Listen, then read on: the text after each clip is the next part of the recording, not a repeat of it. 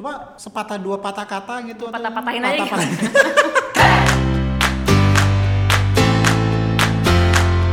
Halo good people and listeners, welcome back to Focus Voice of Ghost Podcast segmen Cireng Chit Chat bareng Ghost People episode ke-10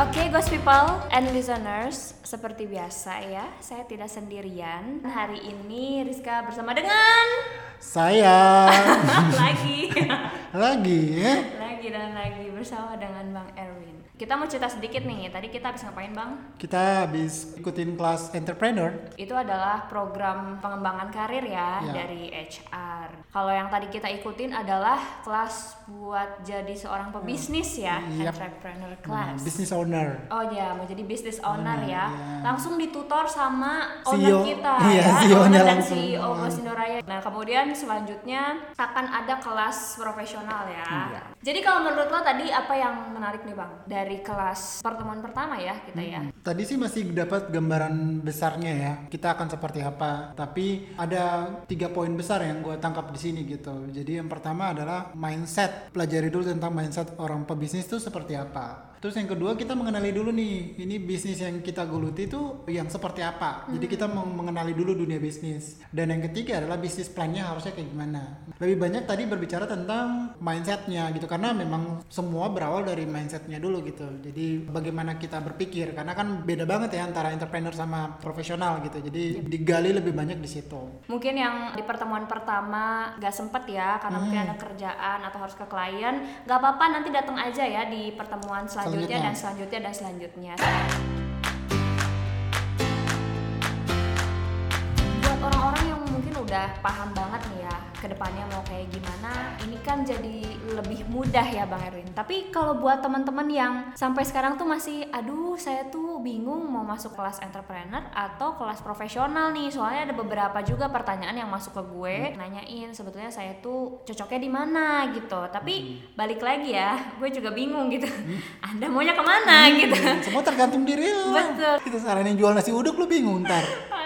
Buat teman-teman khususnya ghost people yang masih bingung gitu ya, hal yang pertama bisa kita lakukan adalah coba untuk tanya lagi ya sama diri sendiri, Diri sendiri. gitu. Ke depannya, at least gitu tiga tahun ke depan, lo mau ngapain sih gitu? Apakah masih mau kerja kantoran atau ada kepikiran untuk bikin bisnis? Nah itu bisa dari situ insight-nya ya. Paling tidak dia mengenali dirinya dia sendiri tuh maunya apa, baru kemudian bisa dikembangkan. Kalau dirinya sendiri aja dia nggak tahu hidupnya mau ke mana, purpose hidupnya apa, nah itu yang sulit ya. Bener banget, karena ini juga sebetulnya ada kaitannya sama yang namanya personal branding nih Bang. Benar. Nah itu akan munculnya kan kalau kita udah mengenali diri kita dengan baik, kita maunya apa, kemudian itu kan yang menjadi cirinya kita kan. Mungkin banyak ya ghost people juga udah sering dengar personal branding, personal branding. Tapi sebetulnya personal branding itu apa sih? Apa ya? Gue bingung. Atau mau lu yang tanya ke gue? lu lu nah, gue nanya ke lu aja deh gitu. Kayaknya kalau gue duduk di depan lu tentang personal branding, kayaknya lu lebih cocok ya untuk ngejelasin itu ya. Coba lu jelasin dulu deh personal branding Coba itu apa. dulu pertanyaannya. Oke, menurut lu ya, apa sih itu personal branding? Oke, jadi kalau menurut gue, personal branding itu adalah bagaimana kita memperkenalkan diri kita keluar dan bagaimana kita dikenal oleh orang luar. Singkatnya bagaimana lo dikenal sama orang gitu. Iya. Sebenarnya ini pernah gue tulis di salah satu postingan Instagram gue sih, cuman bentuknya cerita. Mau denger ceritanya nggak? Enggak. gimana gimana Gini, singkatnya. Jadi waktu gue kuliah gitu, ada teman gue tuh pernah bilang gini, "Eh, Win, nanti di saat umur lu 25, lu tuh harus punya sesuatu yang melekat di diri lo. Gue kemudian nanya gitu, itu maksudnya apa? Dia bilang, contoh nih, misalnya gue nih, Yuda, namanya Yuda. Gue di umur 25, misalnya gue jualan pecel lele, ya udah pada saat lo nanya, kenal Yuda nggak? Yuda yang mana? Yuda pecel lele. Nah, iya, iya, jadi iya. itu ada sesuatu hal yang sudah melekat di diri lo gitu. Jadi pada saat orang menulis kontak lo atau kayak Erwin yang mana ya? Erwin trainer. Nah, itu tuh udah melekat tuh. Ya, Jadi ya, ya. membentuk persepsi orang bahwa dia ini tuh orangnya yang mana. Kayak misalkan gue sebut ini deh, Panji Pragiwaksono dalam kepala lo Stand up komedian. stand up komedian gitu. Nadiem Makarim, Bisa founder Gojek atau menteri pendidikan. nah itu itu personal branding guys. Mau cari tahu personal branding lu cara gampangnya gue pernah menemukan ada salah satu teknik lu pernah tahu aplikasi yang kontak-kontak gitu gak sih gue nggak mau Get sebutin Contact. nah get contact gitu ya Oh iya. Nah, iya, iya. terus kemudian lu kan bisa lihat tuh, Oh. mereka nge-save nama lu dengan apa kan? nah, Iya, kayak, iya, kayak iya, gue tuh iya. kayak Erwin Trainer, Erwin Trainer, oh berarti kan gue terbranding seperti itu gitu. Iya, iya, iya, iya. Iya sih, gue juga pernah iseng gitu kan. Kalau gue tuh kalau nggak trainer, konselor, influencer, dah tiga itu.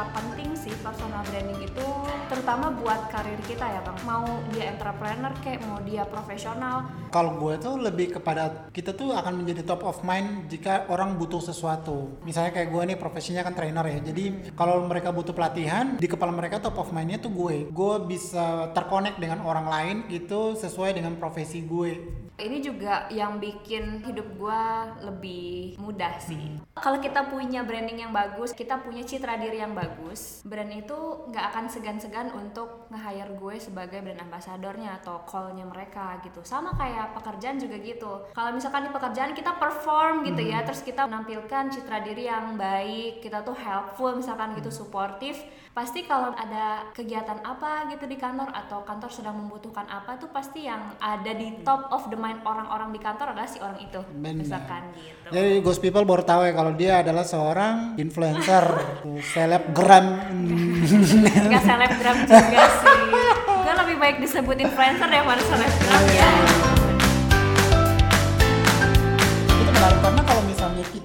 bisa menunjukkan karakter yang baik gitu dan positif terutama ya kalau di dalam profesional itu membuat karir profesionalnya jadi lebih cepat gitu Betul. Ya gimana pun orang tuh punya penilaian terhadap orang lain ya. Hmm. Jadi jangan pernah sepelekan bagaimana kita bertindak, bagaimana kita bersikap, karena itu Bersikap. bisa mempengaruhi persepsi, Persepsi orang lain orang terhadap, lain. terhadap diri kita tuh. Nah kalau lu sendiri bagaimana cara membangun personal branding Membuat personal branding yang pertama adalah gue harus aware dulu sama diri gue sendiri.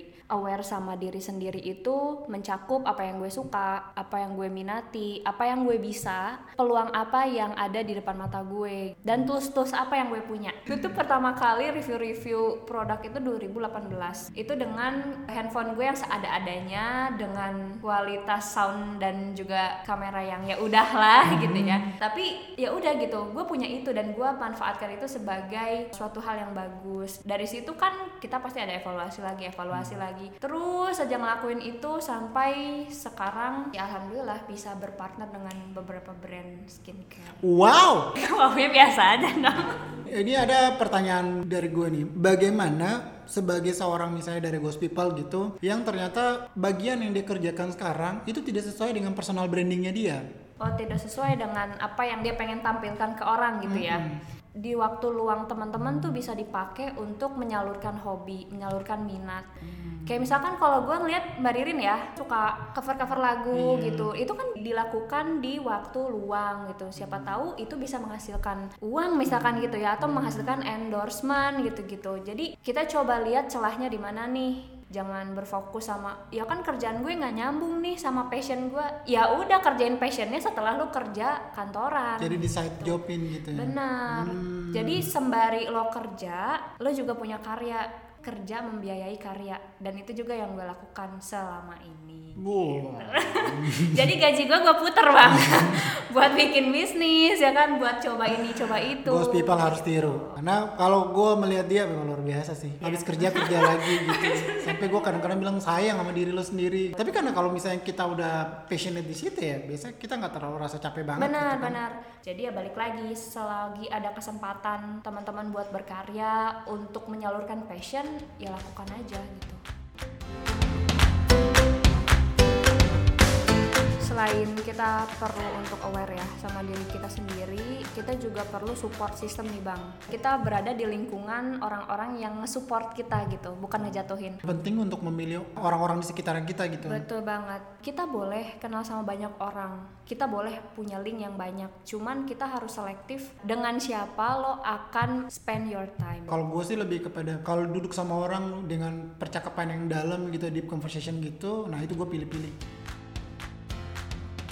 Nah, buat teman-teman Ghost People yang ingin mengenali lebih jauh tentang personal branding, sebenarnya program Set Your Career ini membantu teman-teman untuk mengenali diri teman-teman sendiri gitu. Saya itu sukanya apa dan kalau teman-teman merasa bahwa oh, saya itu ternyata suka di profesional, ya udah apa nih yang harus saya kembangkan di ranah profesional saya gitu untuk mencapai karir maksimal, karir tertinggi. Begitu pula di entrepreneur. Dan teman-teman bisa juga ngobrol ya bareng sama HR. Jadi langsung aja hubungi Hire Info ya. Sekarang kita sudah punya Hire Info yang sangat aktif ya. Wow, luar biasa.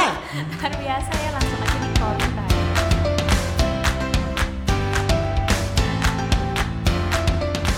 Ini bukan judulnya adalah pamit ya. Apa yang mau dipamitin ya? Ini apa yang mau dipamitin nih? Dan tadi kita ngomong personal branding ya. Iya. Coba pamit dulu lah. Ini adalah episode terakhir kita bersama dengan. Rizka. Dia tetap ada di hati kita semuanya. Juga di Spotify, Di ya. Spotify. Bisa diulang-ulang lagi kalau kangen sama gue gitu kan sama Ya, suara eh, gue. Dia karena mengejar karirnya dia lagi yang lebih tinggi lagi, jadi ini merupakan episode terakhir bersama Rizka. Coba sepatah dua patah kata gitu. Patah-patahin aja gitu. Baiklah, di episode terakhir ini sebetulnya gue pengen nyampain aja sih. Pertama, thank you so much buat Ghost People and listeners yang udah selalu nanyain kapan ada episode baru lagi gitu di sela-sela kesibukan kita yang lain juga ya bang ya. Buat teman-teman Ghost People juga yang udah sempat jadi bintang tamu, gue todongin satu-satu, gue chat malam-malam gitu mau nggak jadi uh, narasumber ngobrol bareng di sini dan alhamdulillahnya pada mau. Thank you so much pokoknya semuanya buat supportnya. Kalau pesan gue sih sebenarnya di episode terakhir ini ya, lakukanlah suatu hal itu karena lo pengen melakukannya, bukan karena lo disuruh. Karena akan sangat berbeda hasilnya ketika lo mengerjakan itu dengan terpaksa dengan lo mengerjakan itu murni karena lo memang pengen ngerjain itu gitu. Untuk teman-teman yang masih bekerja aktif di kantor kita tercinta ini, do your best and then fokus sama pengembangan diri. Jangan terlalu fokus sama hal-hal di luar diri lo.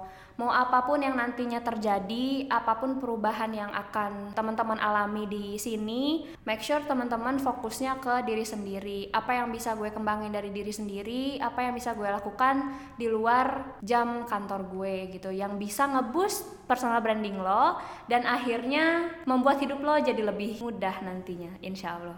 Wow, deep sekali ya. Pasti Ghost People bertanya-tanya siapakah pengganti Rizka nantinya. Wow. Kita akan ketahui nanti di episode selanjutnya.